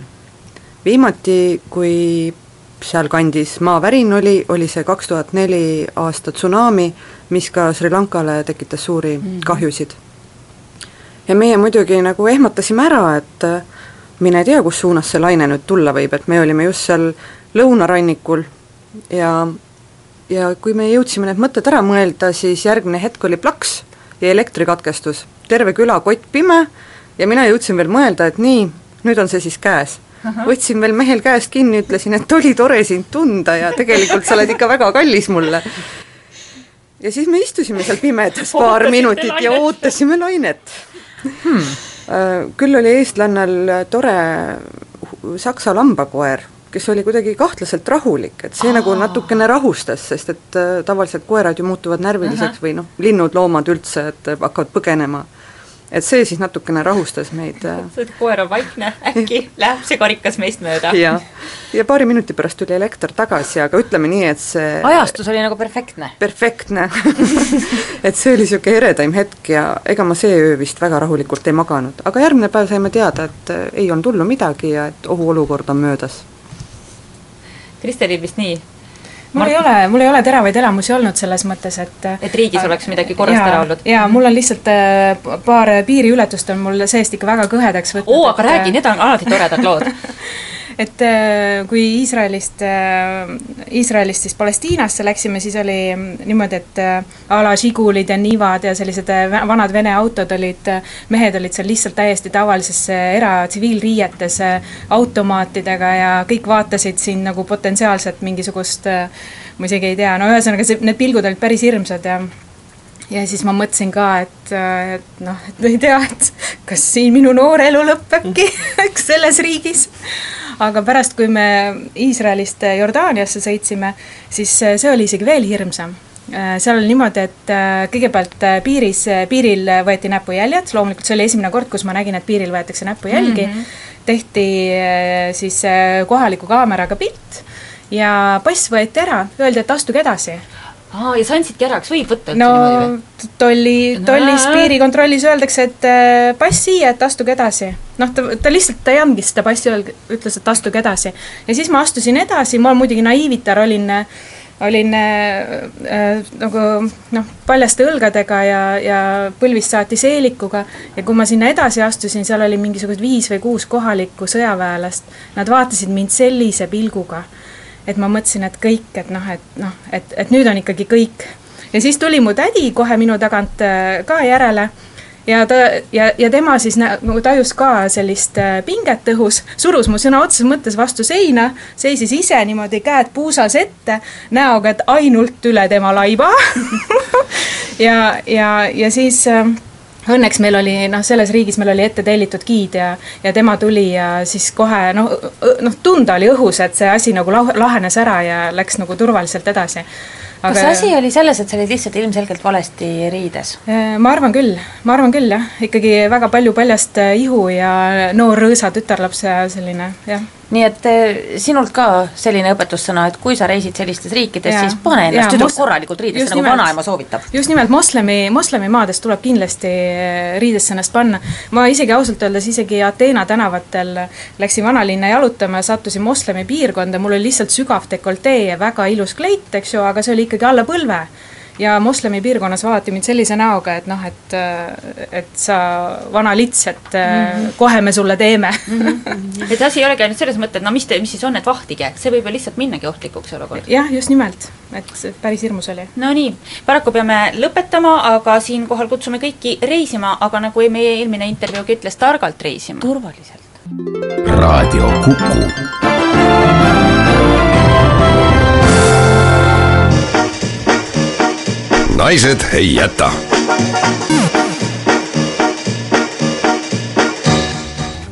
meie harras luulesaade hakkab jõudma lõpule ja loeks enne veel paar riimi, mis meile on saadetud, need on nii vahvad. muidugi, rõõm on tõdeda seda, et äh, selle aja sees, kui toimus veel reisiteemaline vestlusring ja muu jutt, siis äh, äh, on meie tublid kuulajad Facebookis, ma ütleks, terve raamatu kokku kirjutanud. meil on siin päris mitu uut salmi e, ette lugeda. vahepeal on äh, Kristi ka natuke refrääniga tööd teinud ja Kristi pakub välja sellise variandi. ah, mul mehed meeldivad ja mina meeldin neil, kuid riiviski viltu taas ei haara mind lein. Šalla Shallalla. Shallalla mulle väga meeldib. nii, Marge on pakkunud välja sellise salmi Tean neid, kelle huulil on sõnake homme, kuid töö ei saa valmis, on selline komme. väga tuttav, väga, tuttav, tuttav ja elust enesest. see on elust korista garaaž ära. just, just, homme homme, millal sa rõdul selle, selle ääre kinni lööd? homme. homme, jaa edasi Annelilt, kui rikas, siis kole, kui ilus, siis loll ja mõnele tähtis on ainult promill ja ka sellest me rääkisime. puhas tõde, puhas tõde. imeline luule. Äh, Anneli on kirjutanud, kuid mina ei oota enam ilusat homset, vaid särada tahan täna mul selline tunne. vot selline äh, tõene värss. jah, natuke vaba värsis, aga absoluutselt lubatud, kui tegemist on, Kairi tahtis vist sellest midagi räpilaadset teha, nii et see täiesti sobib. nii, veel Kristilt, kord kohtasin noormeest, kes siiras ja hea. vot temale tahtsin küll anduda. ta vaatas mind pikalt ja ütles, et tea, saan ainult ma meestega randuda ja see on see ka, millest me rääkisime, et me jah, tihti, tihti, kui sa leiadki no sellise printsi, siis ta et on hing kinni. ega teistest naistest ei ole üldse huvitatud. jah. Külli on meile kirjutanud sellise riimi. ise hakanud ehitaja, eluvõõras erudiit, abielus kudrutaja, viige mind nüüd ära siit. Jaa. jah, tõenäoliselt küllil on siis kogemusi kõikide ehita- Kõikide nende- isakad, ehitajate, erudiitide ja, ja abielus kudrutajatega, meil mõned teemad on siit läbi ka käinud absoluutselt, aga lihtsalt mõni teema ongi selline, et nii mitu naist ütleb korraga jaa, nii on. Leitmotiiv. täpselt, leitmotiiv.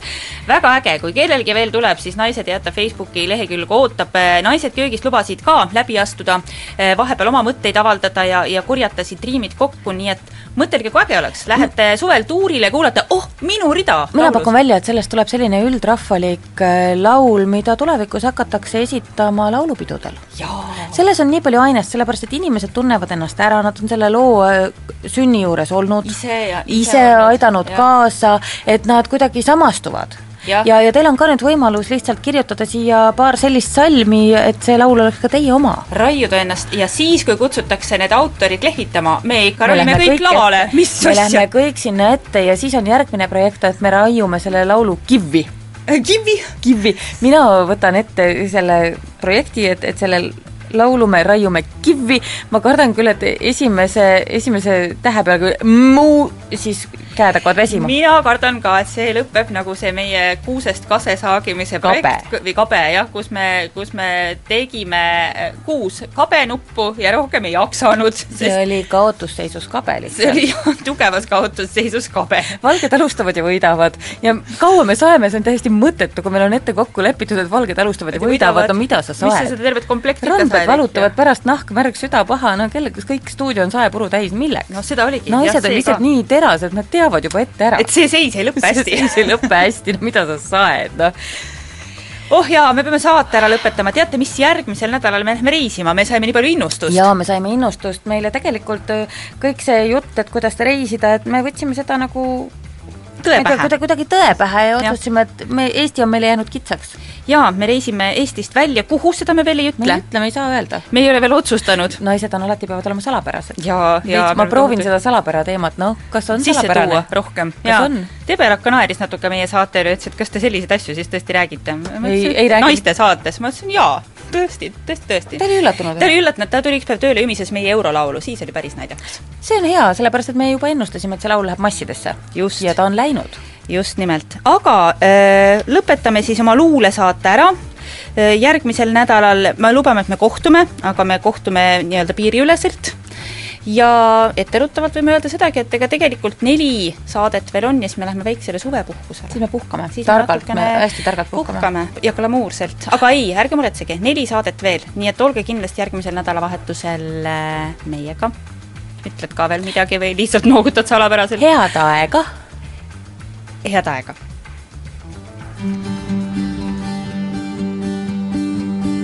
Elud, asjad, ilmaolud segamini aetud, südamed on murtud, valedega kogu väike maailm kaetud, kuid su kõrval tähtsusetu see kõik tundub. ma ei peatu, olen oodanud, kuid miski siin ei muutu ja ma tean nüüd tean, et peagi sulle ära räägin kõik. Elud, asjad, ilmaolud segamini aetud, südamed on murtud valedega, kogu väike maailm kaetud, kuid su kõrval tähtsusetu see kõik tundub. ma ei peatu, olen oodanud, kuid miski siin ei muutu ja ma tean nüüd tean, et peagi sulle ära räägin kõik.